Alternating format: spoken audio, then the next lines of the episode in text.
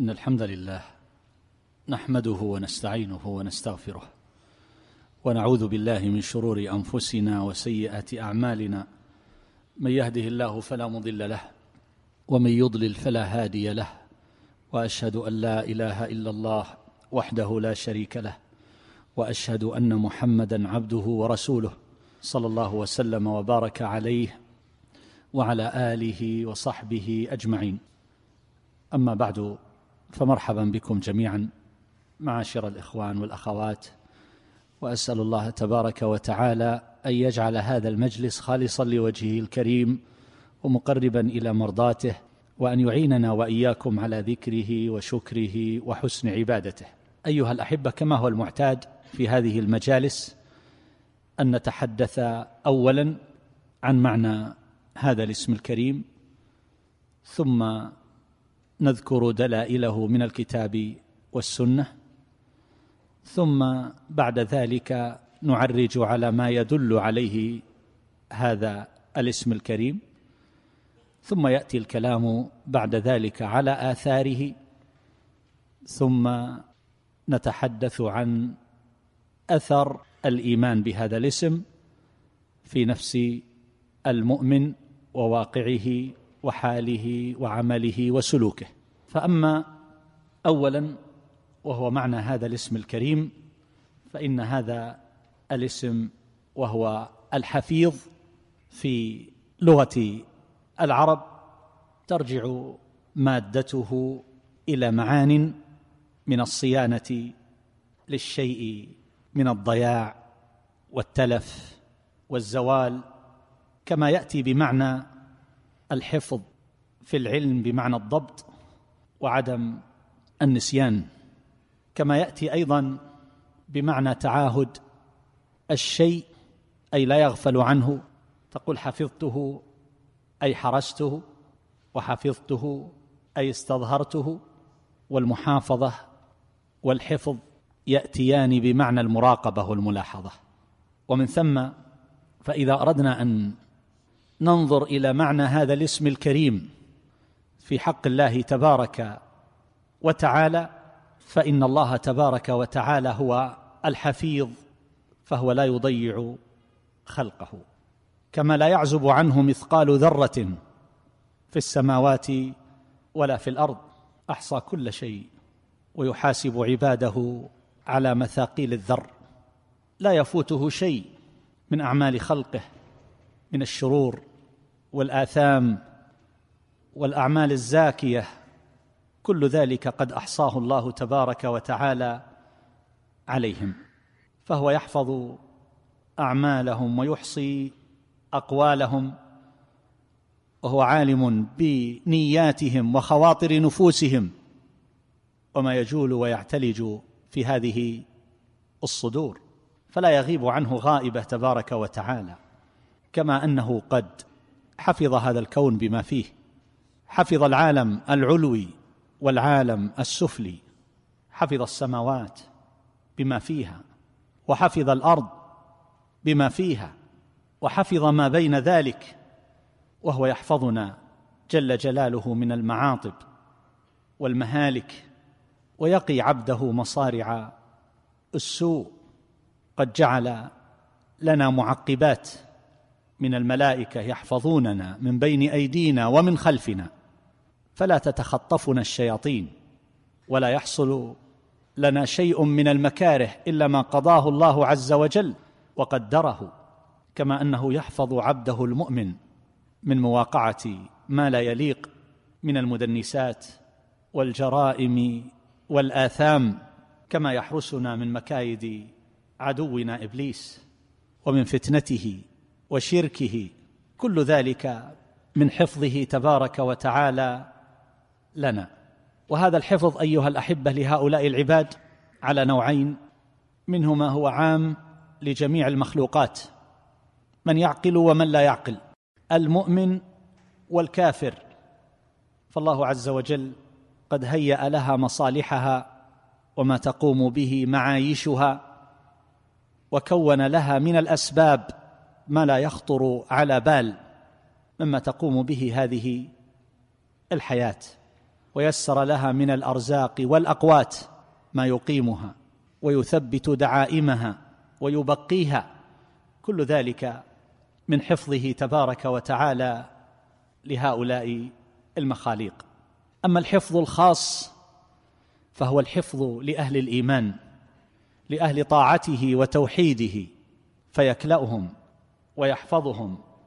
عما يزلزل إيمانهم من الشبهات وعما ينقصه ويضعفه من الموبقات والفتن والشهوات فيعافيهم ويسلمهم كما يحفظهم من أعدائهم من شياطين الجن وشياطين الإنس فينصر أولياءه ويكلأهم ويرعاهم ويدفع عنهم ويكفيهم ما أهمهم. أليس الله بكاف عبده؟ أليس الله بكاف عباده؟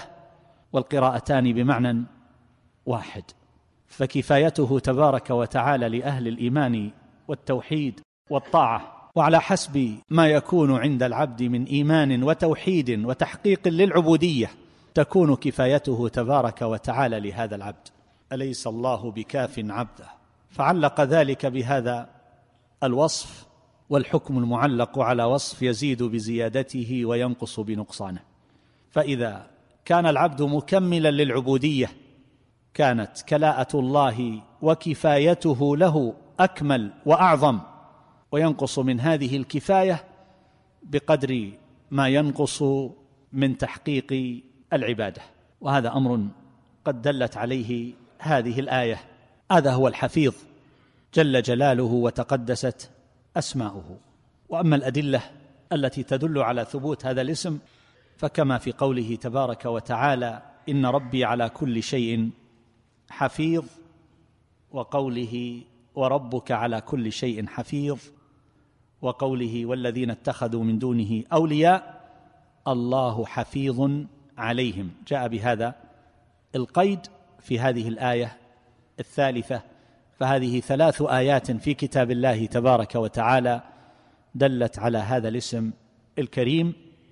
مع أنه قد جاء الوصف والفعل في مواضع كثيرة في كتاب الله عز وجل كما في قوله تبارك وتعالى فالصالحات قانتات حافظات للغيب بما حفظ الله. وكما في قوله ولا يؤوده حفظهما. وفي قوله وحفظناها من كل شيطان رجيم وحفظا من كل شيطان مارد. فالله خير حافظا.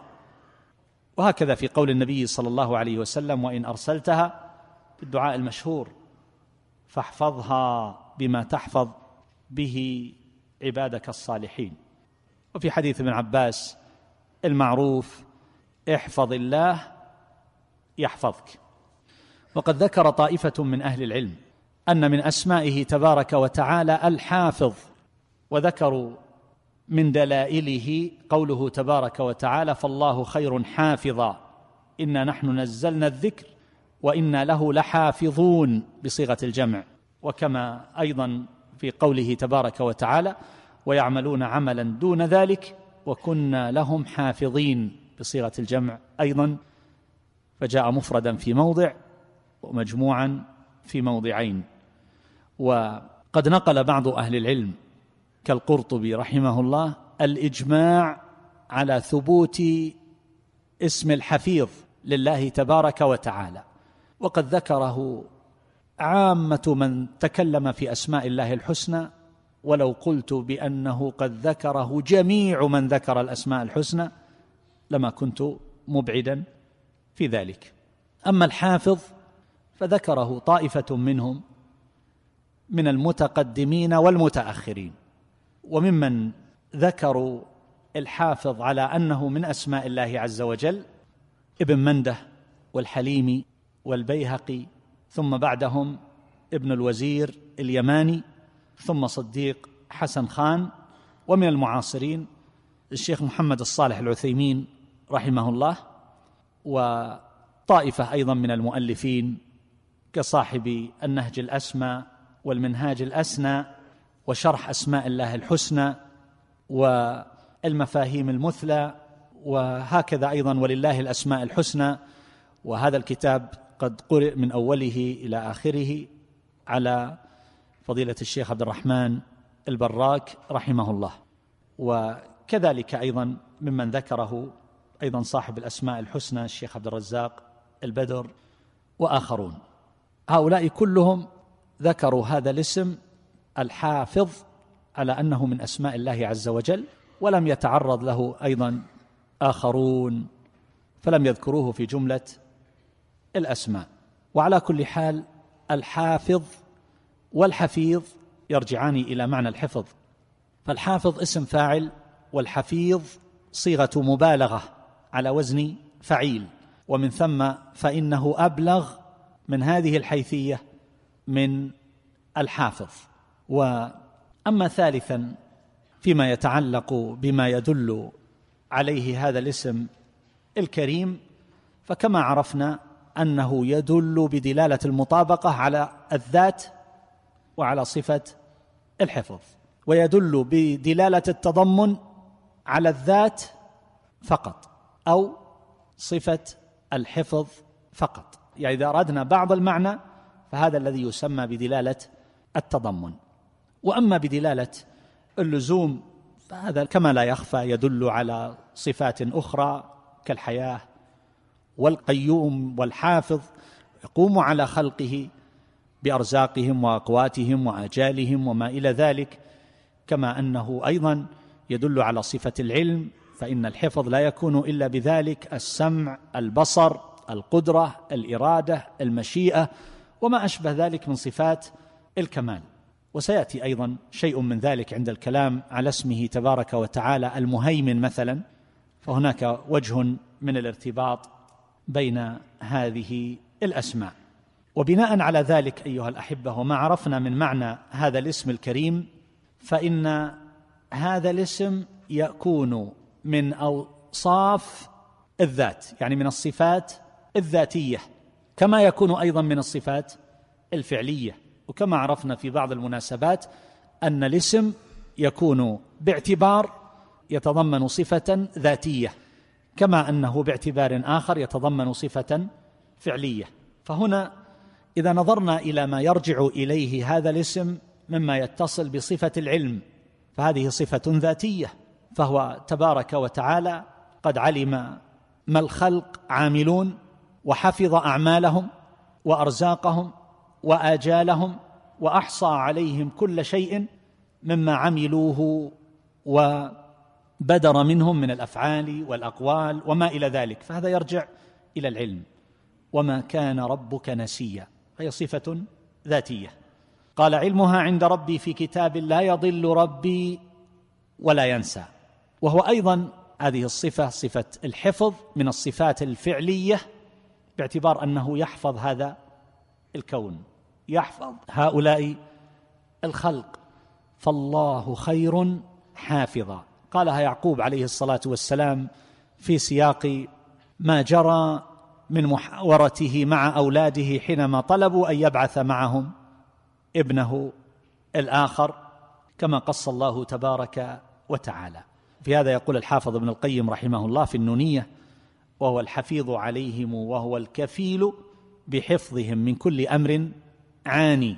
هذا البيت تضمن هذين المعنيين يعني أن الحفظ صفة ذاتية باعتبار وأنه صفة فعلية باعتبار وهو الحفيظ عليهم يرجع إلى معنى العليم بمعنى حفظ الله تبارك وتعالى ما خلقه أحاط به علما وأوجده بمقتضى علمه تبارك وتعالى وكل ذلك يتعلق بذاته وهو الكفيل بحفظهم من كل أمر عاني. فهذه صفة فعلية يحفظ عباده وخلقه لا سيما أولياءه بالحفظ الخاص ويكلأهم بالليل والنهار ويحوطهم ويكفيهم ما أهمهم.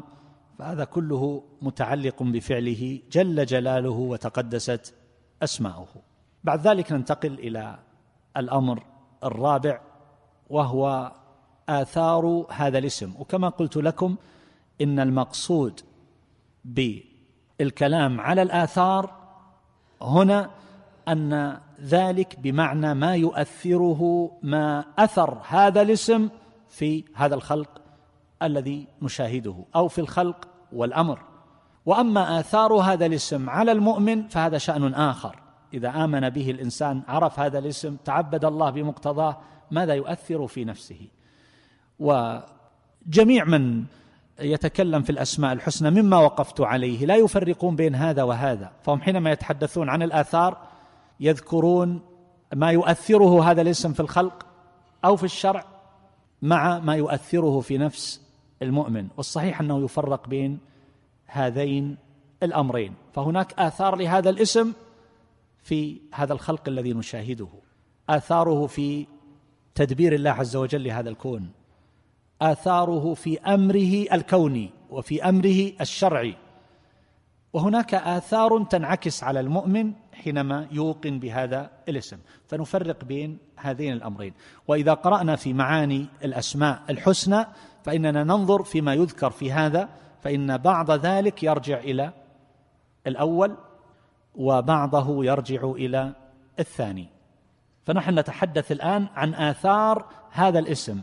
ما أثر هذا الاسم في الخلق؟ ما أثر هذا الاسم في الأمر الكوني؟ ما أثره في هذا الكون؟ ما أثره في هذا الوجود؟ وهذا أمر لا يمكن الإحاطة به. وإنما نعرف قليلا منه وهو شيء لا يذكر بالنسبة لما ينطوي تحت ذلك من الأمور التي لا يحصيها إلا هو تبارك وتعالى. وكلما أمعن الإنسان ونظر في دقائق الأشياء في خلقه هو خلق الإنسان. وفيما حوله من المخلوقات فإنه يقف على أمور مبهرة على أمور يعجز الواصفون عن وصفها في دقتها وتركيبها وتقديرها ويفوت على هؤلاء يفوت علينا على الخلق أكثر وأكثر وأكثر من ذلك بكثير. لكن نحن نذكر أمثلة قليلة توضح شيئا من ذلك فحسب. وإلا فانا لا نستطيع بحال من الأحوال كما هو معلوم أن نحيط بذلك علما. هذه السماوات أيها الأحبة السبع والأرض وما فيها. من الذي يحفظها؟ بأنواع الحفظ. وجعلنا السماء سقفا محفوظا وهم عن آياتها معرضون. سقفا محفوظا. محفوظا من ماذا؟ محفوظا من السقوط؟ محفوظا من التصدع؟ محفوظا من الخلل الذي يطرأ على البنيان الذي يبنيه الناس مهما شيدوه ومهما أتقنوه؟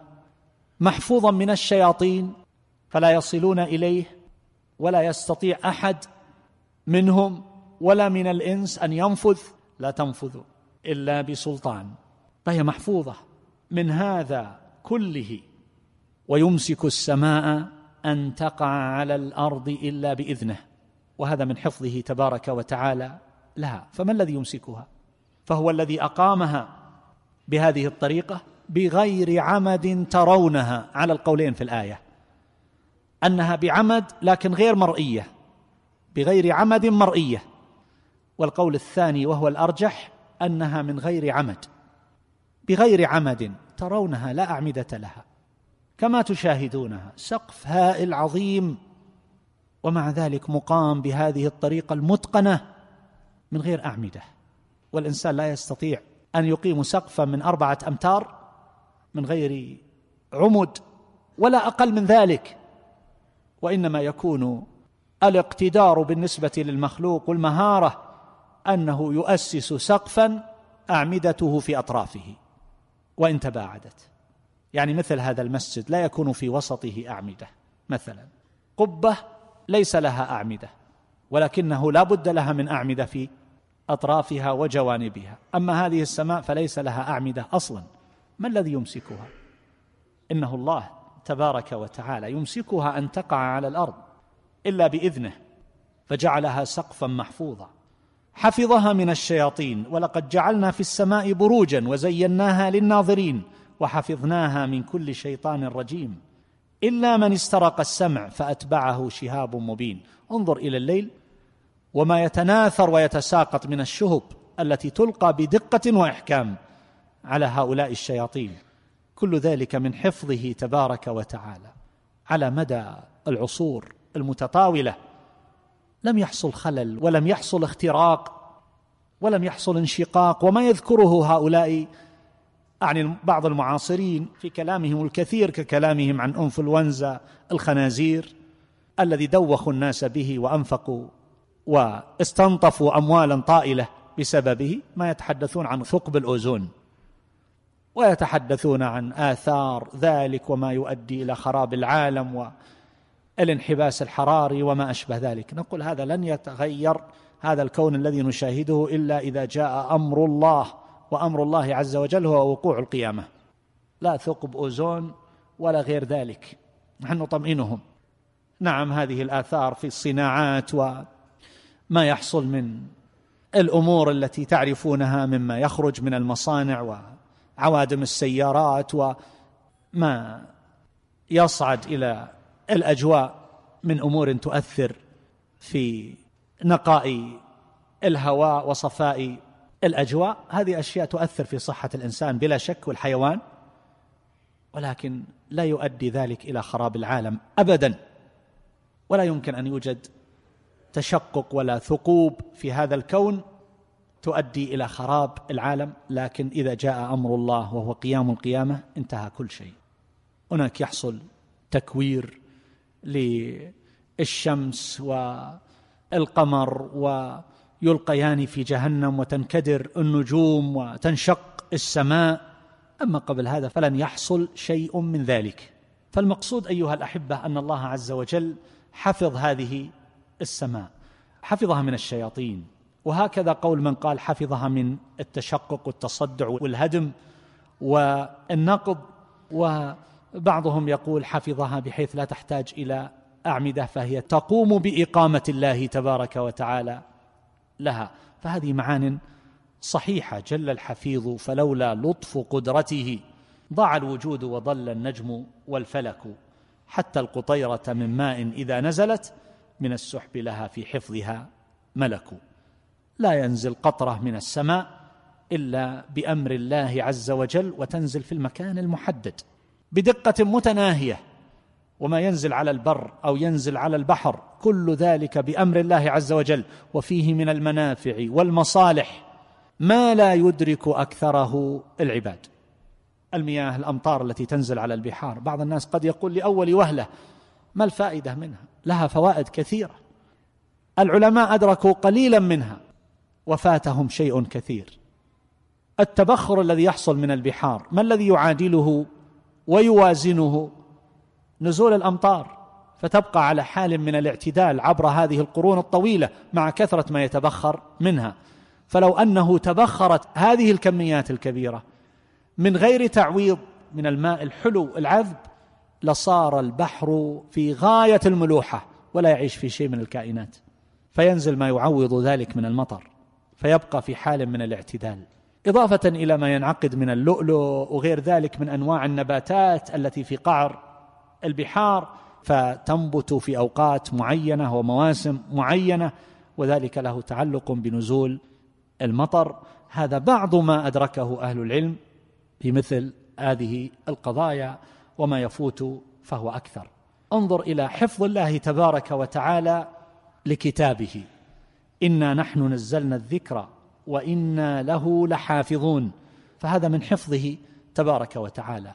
عبر هذه القرون الطويلة. كم جرت من محاولات للتحريف على مستوى أفراد وعلى مستوى دول إلى عصرنا هذا ثم باءت كل هذه المحاولات بالفشل. وبقي كتاب الله عز وجل محفوظا من التبديل والتغيير والتحريف لأن الله عز وجل قد حكم بذلك. حفظ بيته الحرام الكعبة المشرفة منذ بناها إبراهيم صلى الله عليه وسلم. وفي هذا يذكر شيخ الإسلام ابن تيمية رحمه الله بأن الله تبارك وتعالى قد آمر إبراهيم عليه الصلاة والسلام ببناء هذا البيت من حجارة بواد غير ذي زرع. ليس عندها أحد يحفظها من عدو. ليست هناك عبر هذا التاريخ قوات قوية ضاربة أو نحو ذلك وجيوش ترابط عند الكعبة لحفظها من أعدائها. ومع ذلك بقيت. يقول شيخ الإسلام ولم يكن عندها بساتين وأمور ترغب الناس فيها فليس ثمة رغبة ولا رهبة. ومع هذا فقد حفظها الله عز وجل بالهيبة والعظمة.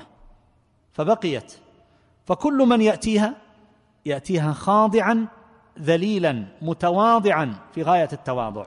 وجعل فيها من الرغبة ما يسوق الناس إليها سوقا من اقطار المعمورة.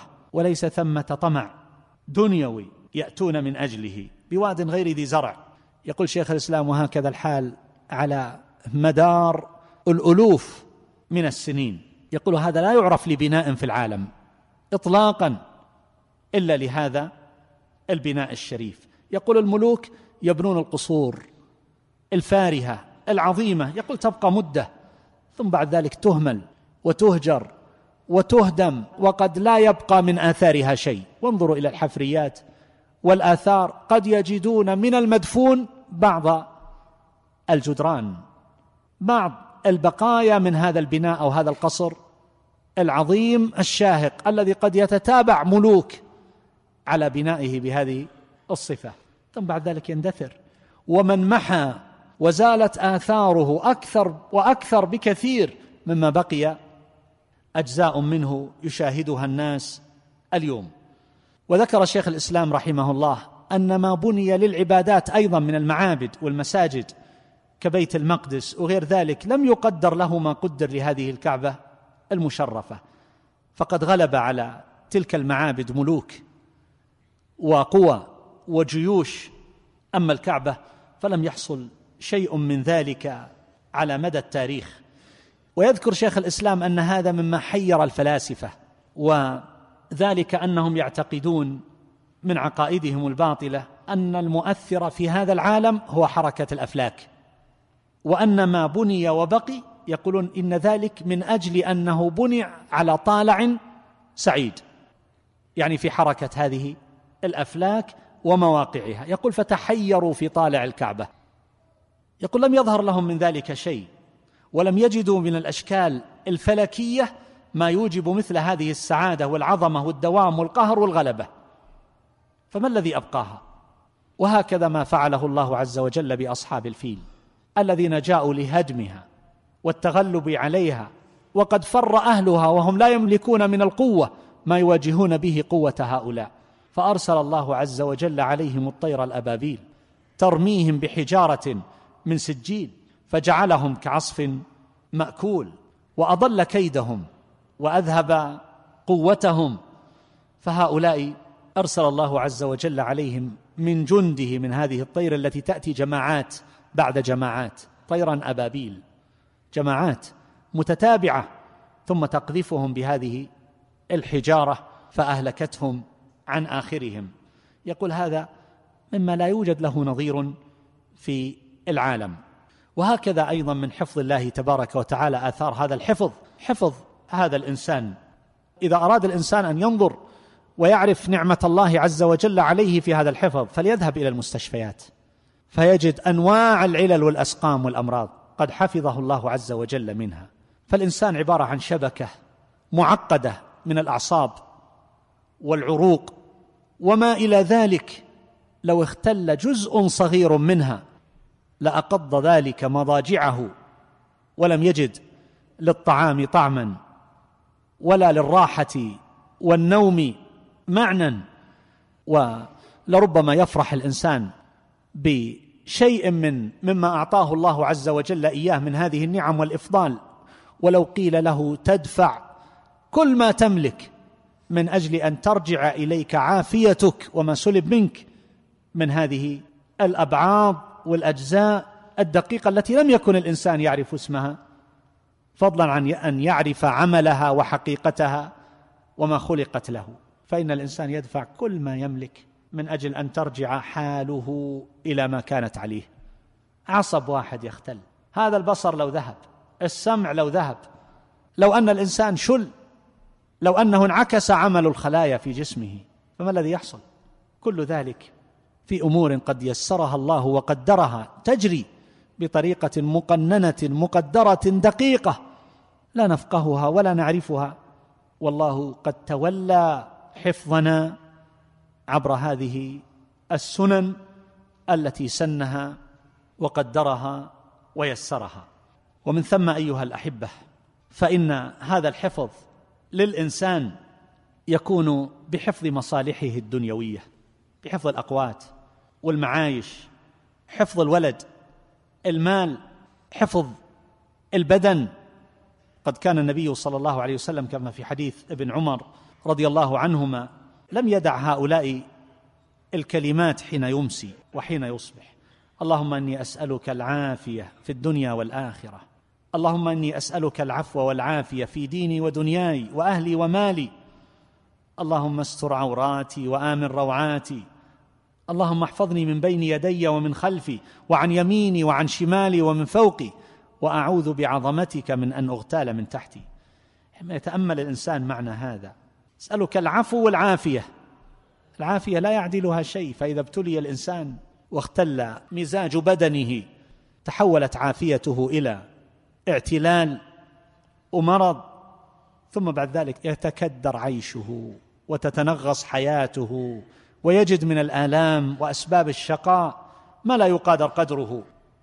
وهذه العافية في الدين وفي الدنيا. فكم من إنسان سلب عافية البدن وكم من إنسان سلب عافية الدين فوقع في الشبهات وقع في الضلالات تحول من إيمان إلى كفر أو من سنة إلى بدعة وضلالة وهوى. كم من أناس كانوا من الصالحين نشأوا نشأة متألقة رائعة. على السنة والصلاح والاستقامة ثم بعد ذلك تغيرت أحوالهم ورجعوا إلى حال من السوء والفساد والإفساد فالعبد يسأل ربه أن يحفظ عليه دينه وأن يحفظه في نفسه وبدنه وولده وماله من بين يديه ومن خلفه وعن يمينه وعن شماله. ولو ترك من غير حفظ لتخطفته شياطين الإنس والجن وأنواع الآفات. هؤلاء الشياطين الذين يجولون في كل مكان يتخطفون الناس لولا أن الله يحفظهم ويكلأهم ويرعاهم. ولهذا أمر النبي صلى الله عليه وسلم بحفظ الصبيان في وقت مغيب الشمس وقت في مبدأ الليل ومطلعه من أجل ألا تتخطفهم الشياطين. فإنهم يكون لهم انتشار في ذلك الوقت. أيها الأحبة لو نظرنا إلى مظهر من مظاهر هذا الحفظ في أجسامنا جهاز المناعة وما فيه من التعقيدات الكثيرة وما كتب في ذلك الأطباء. فهذا أحد الأطباء يصف شيئا من عمل هذا النظام في جسم الإنسان. هذه المنظومة الدفاعية عند الإنسان أين توجد؟ يقولون في العمود الفقري. في نخاع العظام يقولون والحكمة في ذلك أن الخلايا الدفاعية تنمو بانقسامات عديدة ومعقدة. ولكي تحفظ هذه الخلايا التي تمر بكل هذه الانقسامات وتصان من التأثيرات الخارجية الضارة من أشعة وغيرها فالله تبارك وتعالى وضعها في أبعد الأماكن عن التأثير الضوئي في أجسامنا. أين؟ هناك وفي النخاع حيث يكون الأمن أكثر على هذه نخاع العظام. يقولون هذا النخاع هو مختبر عجيب. يستطيع فيه النخاع بواسطة خلية واحدة صنع خلايا لا يحصيها إلا الله. مصنع كبير. وهذه الخلايا أنواع ولها أعمال ووظائف وأدوار مدهشة. يقولون في جميع الأحياء نجد الخلايا تستطيع أن تكرر نفسها فقط ولكن هناك استثناء واحد هو نخاع العظم. يقول في خلية واحدة اعتيادية يصنع كل نوع من أنواع الخلايا. خلية واحدة تصنع أنواع الخلايا تقوم بمختلف الأدوار. بعد أن تصنع هذه الخلايا الليمفاوية في نخاع العظم ترسل هذه الخلايا إلى الغدة الموجودة قرب قاعدة العنق. يقولون من أجل أن تتعلم وتتدرب تأخذ دورة تدريبية.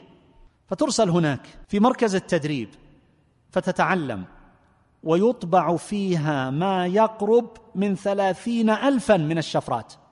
لماذا؟ لأن جسم الإنسان يحتوي على ما يقارب ثلاثين ألف نوع من أنواع الخلايا. فتذهب إلى مركز التدريب وتعطى ثلاثين ألف شفرة من أجل أن تتجول بلا استيقاف في أي مركز من المراكز وتتعرف على كل خلية في جسم الإنسان. وكل خلية لها شفرة خاصة بها. ولهذا يقولون عن الخلية الليمفاويه بأنها تعلم هذه الخلايا بأن الخلية يجب عليها أن تتعلم في هذا المركز من أجل أن تجتاز ويتعرف عليها. ثم بعد ذلك ما الذي يكون؟ يقولون هذه الخلايا حينما تتجول في أنحاء الجسم في شبكة تحيط بكل جزء من أجزاء هذا الجسم ابتداء من الشعرة حتى أخمص القدمين. هذا النظام الشبكي يقولون ليست هي شبكة الأوعية الدموية التي نعرفها وهي التي تنقل الدماء النقية المحملة بالأكسجين إنما شبكة الدم الأبيض الذي يكون من أجل الدفاع والمقاومة والمناعة. فيقولون نحن حينما نجرح تخرج مادة بيضاء. هذه المادة البيضاء هي من هذا الجهاز جهاز المناعة. هي دماء هذا النظام. فتتجول الخلايا الليمفاوية ضمن هذه الشبكة. تراقب كل خلايا الجسم عشرات المرات يوميا. تفتيش لجميع الخلايا. وتفحص جميع الأنسجة التي في الجسم. فإذا وجدت خلية لا توافق شفرتها الشفرات التي تعلمتها هناك في مركز التدريب فإنها تقوم بقتلها في الحال. من أين جئت خلية غريبة دخيلة فتقتل مباشرة. ولهذا إذا نقلت أعضاء جسم لإنسان آخر كالكلى أو الكبد أو غير ذلك ما الذي يحتاج إليه؟ اولا يتحرون أن تكون هذه الأعضاء من أقرب الأقربين من الأب أو الابن أو الإخوة أو الأخوات. لعله يمرر هذا العضو على هذا الجهاز. والأمر الثاني أنهم يضعفون المناعة جدا وقد تنعدم تماما حتى يتقبل الجسم هذه الأعضاء الجديدة. هذا أيها الأحبة كله مما يتصل أو بعض ما يتصل بهذه الخلايا الليمفاوية. يقولون إذا دخلت جرثومة أو جسم غريب فهنا معنى ذلك أنه حصل خلل بهذا الجسم وتبدأ الخلايا الدفاعية الخلايا الليمفاوية تبدأ بهنا إعلان حالة الطوارئ. وتبدأ بمقاومة هذا الجسم الغريب وتبدأ المعارك تشتعل وتضطرم مع هذه الجراثيم مثلا فتقترب منها ثم تنفث سمومها فيها وتقتلها. لكن إذا كانت هذه الجراثيم شرسة كالسل مثلا فإنها قد تضعف عن مقاومتها. فهنا ما الذي يحصل؟ لأن جراثيم السل كما يقولون لها قدرة على أن تفرز من غشائها مادة تكون لها درعا واقية من الخلايا الليمفاوية. فلا تؤثر فيها تلك السموم التي تفرزها الخلايا الليمفاوية. ما الذي يحصل؟ يعني يكون عليها مثل الدرع الواقي. والخلايا الليمفاوية أيضا لا تستطيع أن تبتلع هذا النوع من الجراثيم لأنها كبيرة وقوية. فهنا ترسل الخلايا الليمفاوية رسالة إلى الكبد. فتقوم الكبد بأمر لنخاع العظم فيصنع خلايا خاصة تحمل أجساما خاصة تشبه الخلايا الليمفاوية لكنها أكبر حجما مقاس كبير أكبر بست مرات من الخلايا الليمفاوية. ماذا تفعل؟ تبتلع جراثيم السل. بخلاف الخلايا الليمفاوية لا تستطيع أن تبتلعها فتصنع لها قبورا وتبدأ بغرز طبقة من الكالسيوم حولها حتى تبني مثل الهرم حول هذه الجرثومة فتموت وتنهضم خلاياها. يقول لما نعرض أشعة لرئة إنسان فيه سل نجد دوائر سوداء فيها. هذه قبور قبور لتلك الخلايا التي جاءت بأمر من الكبد إلى النخاع. هل نعلم من هذا شيء؟ هل نحن الذين نصدر الأوامر؟ هل ندري ما الذي يجري في داخلنا حينما ينجرح الإنسان يجرح؟ حينما تصيبه الإنفلونزا مثلا أو غير ذلك ما الذي يحصل في داخله؟ معارك ضارية ومقابر. بعض هذه المقابر تتحول إلى نقط سوداء كما في السل في الرئة. وبعض هؤلاء القتلى يخرجون مع الجروح كما نشاهد بمواد ذات ألوان وأشكال معينة. فهذا كله مما يسره الله وقدره. هذه اللوز هي رصد بحيث لا يدخل الجسم من هذا المدخل من الفم والأنف شيء. يمكن أن يؤثر على عافيته وصحته. الزائدة الدودية كذلك من أسفل. هي أيضا رصد تمنع دخول هذه الأشياء إلى جسم الإنسان ترصد هذه الجراثيم فتمنعها وتقتتل معها. ولهذا تجد أكثر ما يلتهب ويتأثر هي هذه أو الزائدة الدودية. لأن هذه أمان وضعه الله عز وجل من أعلى وتلك أمان وضعه الله عز وجل من الأسفل. هناك صفارة إنذار في الجسم ارتفاع درجة الحرارة. هذه لا ترتفع عبثا حتى الشعور بالألم. لو لم تكن هذه الحرارة والشعور بالألم لتغلغلت الجراثيم وهذه الأجسام الغريبة وفتكت دون أن يشعر بها. يبقى الإنسان معتلا ويموت دون أن يعلم أنه عليل ومريض. فهذه الحرارة حينما ترتفع ذلك لأن هذه الخلايا الدفاعية لا سيما البالعة للميكروبات كريات البيضاء إن خلقت بنشاط اعتيادي فإنها قد تهاجم إحدى خلايا الجسم أو قد تضرها. يقول لذا نرى أنها غير نشطة في الحرارة الاعتيادية للجسم تبقى خامدة خلايا نائمة. لكن حينما تغزو الجسم شيء من هذه الجراثيم والميكروبات ونحو ذلك تبدأ تنشط فترتفع درجة الحرارة وهي تنشط عند درجة 38 ونصف. ارتفعت درجة الحرارة إلى هذا نحن لا نخاف هذا أمر طبيعي. ينشط هذه الخلايا لتقوم بدورها بعد أن كانت في حال من الركود والخمود والكسل. ثم بعد ذلك تبدأ تعمل عملها وتقاوم هذه الجراثيم حتى تقضي عليها.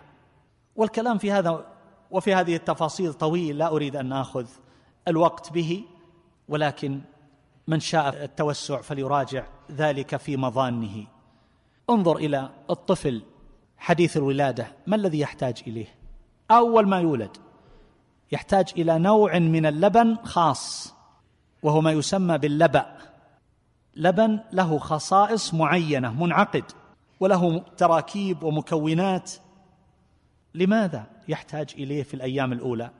ولماذا لا يخرج بعد ذلك من ثدي الأم؟ لأن هذا الصغير منذ الشهر الخامس وهو حمل في بطن أمه تجتمع في أمعائه الدقيقة والغليظة مواد. لو بقيت لسببت له مشكلات وانسدادات فهذا اللبأ ملين ومسهل ويقوم بتنظيف الأمعاء أمعاء الصغير من جميع هذه المواد. هذا يحتاج في الأيام الأولى من أجل أن يتهيأ الجهاز الهضمي للغذاء والحليب الطبيعي الذي يكون من الأم. ولذلك يقولون هذا الصغير عنده من المناعة أكثر مما عند الأم مع أنه ضعيف جدا. الأم تصيبها حمى النفاس وحمى أخرى ثانوية والتهابات وفقر دم حينما تكون والدا. أما هذا الصغير فيكون عنده من المناعة ما ليس عند أمه. من الذي حفظه على ضعفه؟ هو الله تبارك وتعالى هو خير حافظا فهذه الثدييات تبدأ بيظهر منها هذا اللبأ لأولادها وهو سائل قلوي يميل إلى الصفرة. تعرفونه؟ والناس يأكلون ما يخرج من ذلك من بهيمة الأنعام. هذا الذي حينما يغلى على النار يكون منعقدا. يعني لونه اشبه ما يكون رأيتم الزهرة التي هي النبات المعروف. حينما تطبخ يشبه لونها منعقد. فيأكله الناس. هذا يخرج في الأيام الأولى. وله أسماء طبية معروفة عند الأطباء. يحتوي على نسبة أكثر من المواد الزلالية ونسبة أدنى من المواد السكرية والدهنية.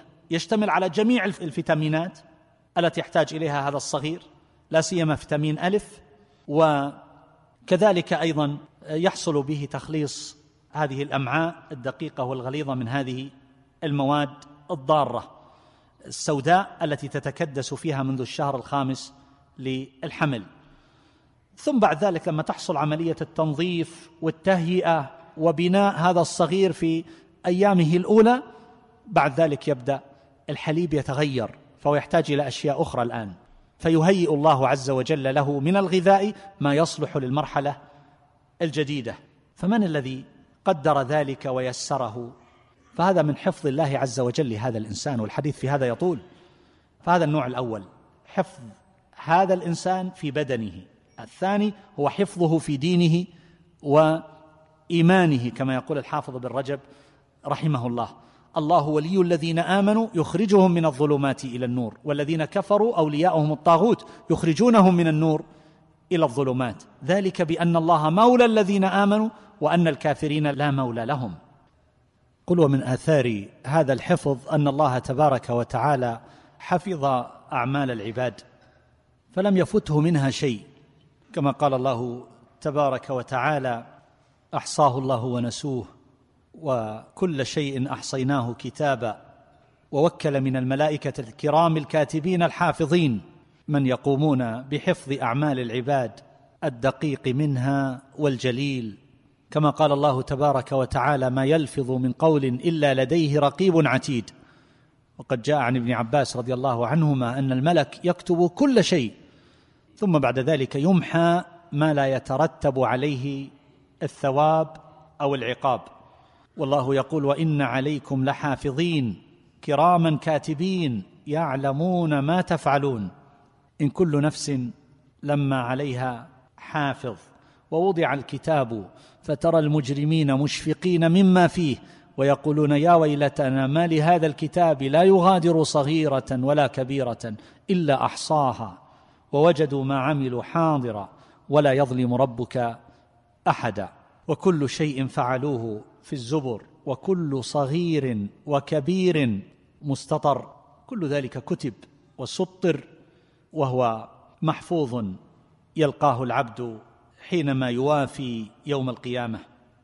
والنبي صلى الله عليه وسلم يقول في الحديث المشهور يتعاقبون فيكم ملائكة بالليل وملائكة بالنهار ويجتمعون في صلاة الصبح وصلاة العصر ثم يعرج الذين باتوا فيكم فيسألهم الله وهو أعلم بهم كيف تركتم عبادي؟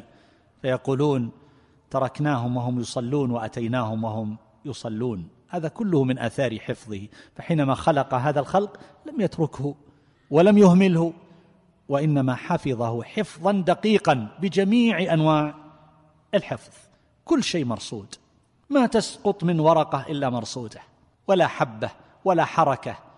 لا من الإنسان ولا من الحيوان وحركات الأشجار وأوراق الأشجار. كل ذلك مرصود عند الله تبارك وتعالى. علمه قبل أن يقع. علم اللحظة التي يقع فيها وأين يقع وما مآله وما مصيره وهو قادر على أن يرجعه مرة ثانية. فإذا كان الأمر كذلك فهذا ينقلنا إلى الحديث عن آثار الإيمان بهذا الاسم الكريم. ماذا يؤثر فينا؟ آمنا بأن الله عز وجل حفيظ وأنه حافظ فما أثر ذلك علينا؟ كيف نتعبد لله عز وجل بهذا الاسم الكريم؟ أما الدعاء فكما نعرف دعاء المسألة ودعاء العبادة. دعاء المسألة كما في الحديث وفيه إن أمسكت نفسي فارحمها وإن أرسلتها فاحفظها بما تحفظ به عبادك الصالحين. وهذا كله من سؤال الله عز وجل بما يتفق مع هذا الاسم الكريم. تقول للمسافر أستودع الله دينك وأمانتك وخواتيم عملك. وعلى كل حال أما دعاء العبادة فذلك يكون اولا بمراقبة الله تبارك وتعالى في الحركات والسكنات. أن يحفظ الإنسان قلبه وجوارحه وسمعه وبصره عن مساخط الله عز وجل لأنه يعلم قول الله تبارك وتعالى وإن عليكم لحافظين كراما كاتبين يعلمون ما تفعلون فالله يعلم ويحفظ وجعل هؤلاء الحفظة. وإذا كان الإنسان قد يراعي المخلوقين وما يحصل من نظرهم أو استماعهم لكلامه وما إلى ذلك فالله تبارك وتعالى أجل وأعظم. فإذا أهم الإنسان بمعصية الله عز وجل أو الإقدام على أمر لا يليق فإنه يتذكر قول الله تعالى وإن عليكم لحافظين كراما كاتبين يعلمون ما تفعلون. فليطلب مكانا آخر يعصي الله تبارك وتعالى به لا يراه الله ولا يحفظ عليه عمله ولا يراه هؤلاء الملائكة الذين يدونون ويكتبون كل ما يصدر عنه. ولهذا فإن المراقبة كما يقول الحافظ ابن القيم وذكرنا هذا في الكلام على اسمه الرقيب هي تعبد له تبارك وتعالى بهذه الأسماء. باسم الرقيب الحفيظ العليم السميع البصير. فمن عقل هذه الأسماء وتعبد بمقتضاها حصلت له المراقبة. بعض الناس يقول كيف نراقب الله تبارك وتعالى؟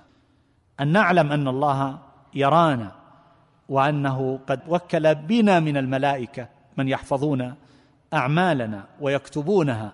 فإلى أين المفر أيها الأحبة؟ أين يستطيع الإنسان أن يحقق مطالبه المحرمة وشهوات النفس المخالفة حيث لا يراه الله تبارك وتعالى ولا يراه هؤلاء الملائكة. فنحن نتعامل مع رب عليم رقيب حفيظ وقد وكل بنا من الملائكة الحافظين من يرون أعمالنا ويكتبونها.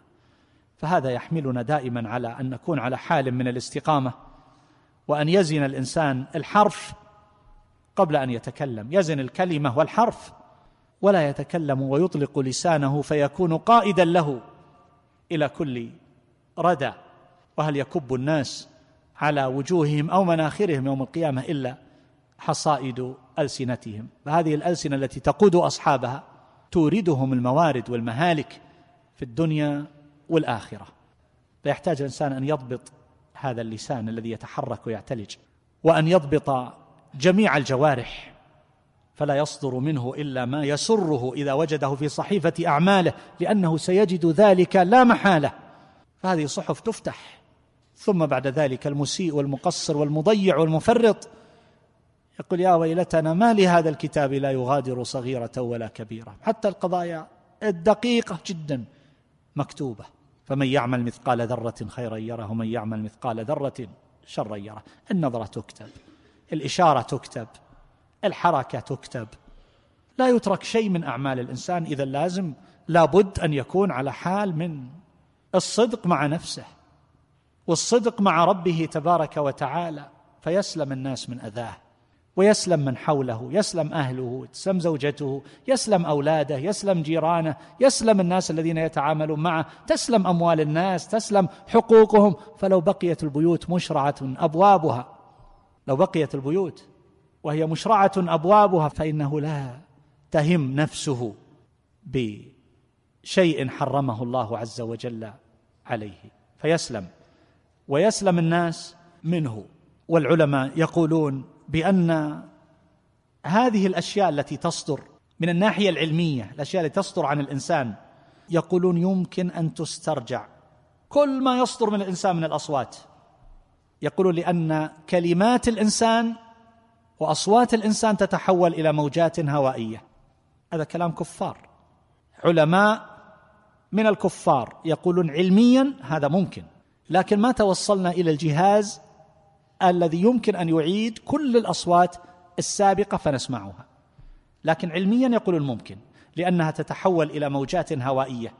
يقولون هذه تبقى في الأثير. ما تذهب. ممكن تسترجع.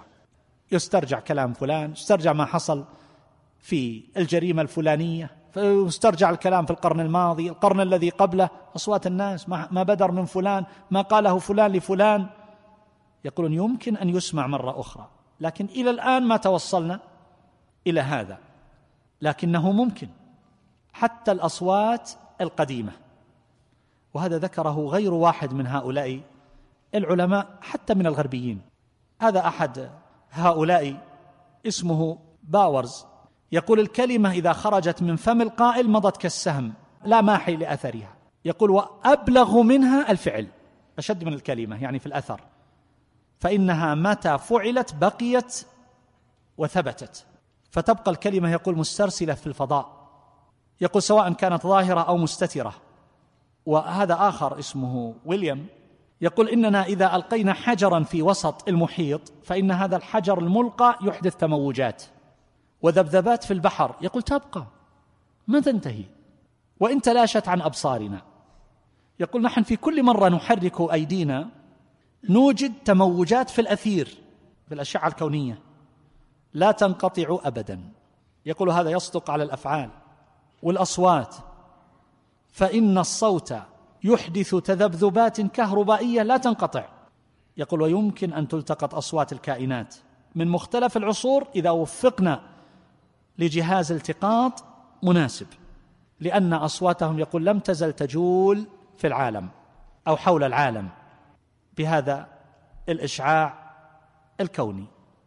أنا أقول إن كان هذا الكلام الذي يقولونه صحيحا أو غير صحيح نحن نعلم علما يقينيا أن الله أحصى ذلك جميعا وأنه قادر على أن يسمعك ذلك جميعا وهو قادر وسيكون أن الله ينطق هذه الجوارح فتتكلم اليد تتكلم والفخذ يتكلم والرجل تتكلم والعين تتكلم والأذن تتكلم وتشهد على الإنسان والأرض تتكلم.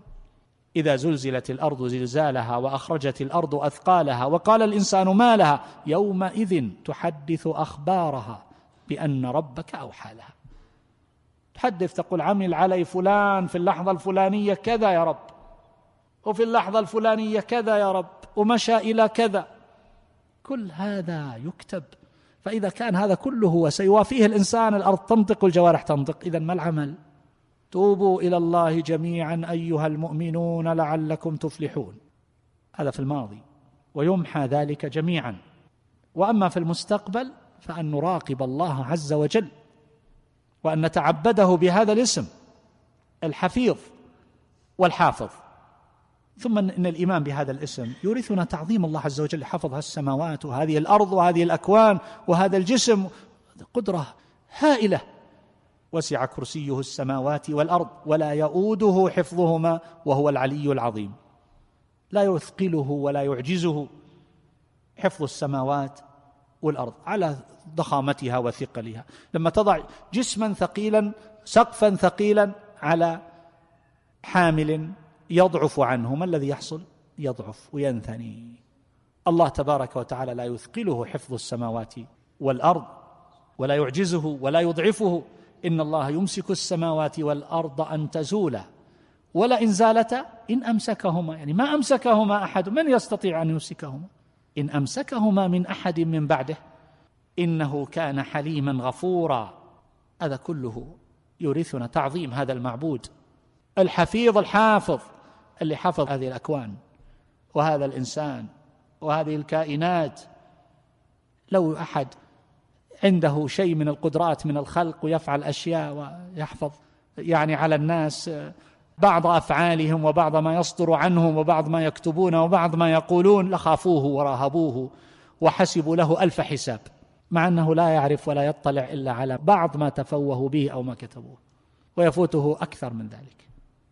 أما الله تبارك وتعالى ما يفوته حتى خطرات النفوس ما يفوته شيء وين يذهب؟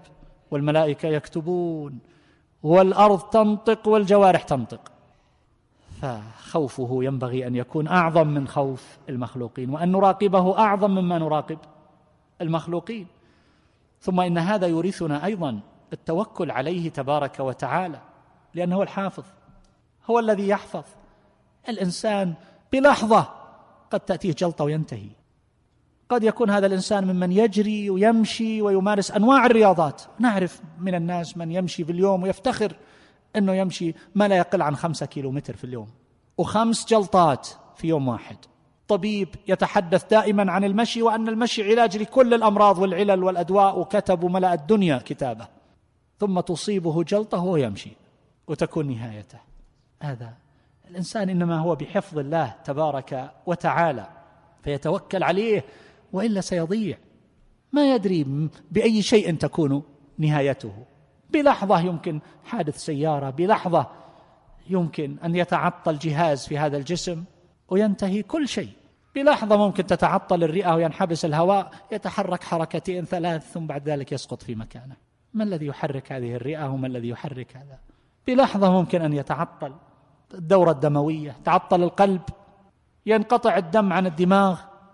بلحظة ممكن هذا العقل يصيبه شيء وتشوف هذا من أعقل الناس يتحول إلى إنسان لا يعقل. رأيت رجلا يمشي في حدود الساعة السابعة وقت ذهاب الناس لأعمالهم في أحد المدن الكبرى عندنا. يمشي بهيئة المجنون على قدميه بثياب رثة. فسألت هذا لماذا يمشي بهذه الطريقة في وسط الطريق بين السيارات؟ فقالوا هذا كان من أبرع المهندسين ومن أذكى المهندسين. ثم أصيب بعقله الآن. وآخر سمعت صوته وأنا أزور أحد الأشخاص في أحد المدن. سمعت صوته من الشارع يتكلم بصوت مرتفع كذا. قلت إيش هذا الصوت؟ قالوا هذا واحد من كبار التجار. أصيب في عقله وعجز أولاده عن إبقائه في بيته من أجل أن لا يحرجهم مع الناس أو يتعرض للأخطار وما استطاعوا. فهو يجول كل يوم ويصدر هذه الأصوات ولا يعقل. من كبار التجار. هذا الإنسان لا يأمن. فالله خير حافظا. هذا الأولاد اللي نخاف عليهم هذه الأموال التي نخاف عليها هذه العافية اللي نسأل عنها أول ما نسأل كيف الصحة. الله عز وجل هو الذي يحفظ ذلك جميعا. الإنسان عرضة لأنواع من الأخطار. فهذا الذي يحصل له حادث هذا يموت وهذا ما يحصل له شيء وهم مع بعض في سيارة واحدة.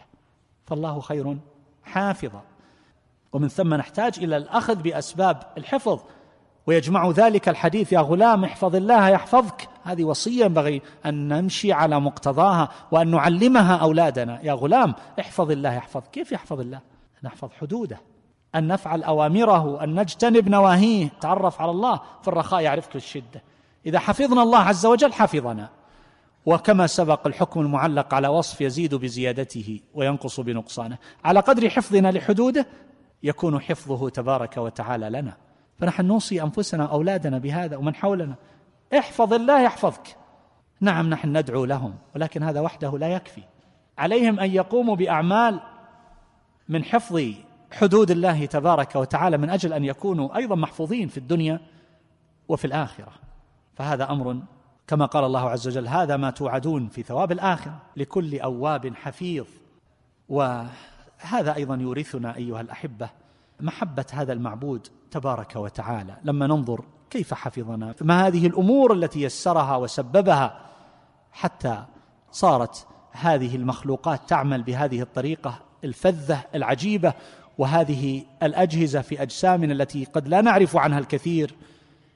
وكم حفظنا الله تبارك وتعالى من ألوان الشرور فهذا يدعونا إلى محبته. حينما الإنسان الطبيب يعمل له عملية ناجحة لربما كانت خطرة أو نحو ذلك بعض من يتورعون يسألون يقولون نريد أن نكافئ هذا الطبيب. نريد أن نعطيه شيئا. هل هذا يدخل في هدايا العمال؟ هل هذا من الرشا؟ طيب كيف نستطيع أن نكافئه؟ هذا عمل لنا عملية دقيقة هذا الإنسان قام لنا بشيء كبير. فكيف نكافئ هذا الطبيب؟ يقول الله هو الحافظ. فينبغي لنا أن نحب الله تبارك وتعالى من كل قلوبنا. محبة لا يمكن أن يقاربها محبة. أن نحب الله أكثر من محبتنا لأنفسنا للناس أجمعين. وحينما الإنسان ينقذه آخر من حادث أو من شيء فإنه يكبر هذا ويحبه ويرى أنه قد قدم إليه إحسانا ومعروفا لا ينساه ابدا. يقول الذي أنقذني من الشيء الفلاني؟ هو الذي أنقذ تجارتي؟ هو الذي أنقذني من موت محقق؟ بعد الله عز وجل. طيب إذا كان هذا مع مخلوق فكيف بالذي يكلأنا بالليل والنهار ويحفظنا ويرعانا ويحوطنا وييسر لنا من الأسباب ما لا يخطر لنا في بال؟ فهذا ينبغي أن نحبه وأن نعظمه وأن نجله. نسأل الله تبارك وتعالى أن ينفعنا وإياكم ما سمعنا واجعلنا وإياكم هداة مهتدين. اللهم ارحم موتانا واشف مرضانا وعاف مبتلانا واجعل آخرتنا خيرا من دنيانا. ربنا تقبل منا إنك أنت السميع العليم واغفر لنا إنك أنت الغفور الرحيم. صلى الله عليه آله وصحبه.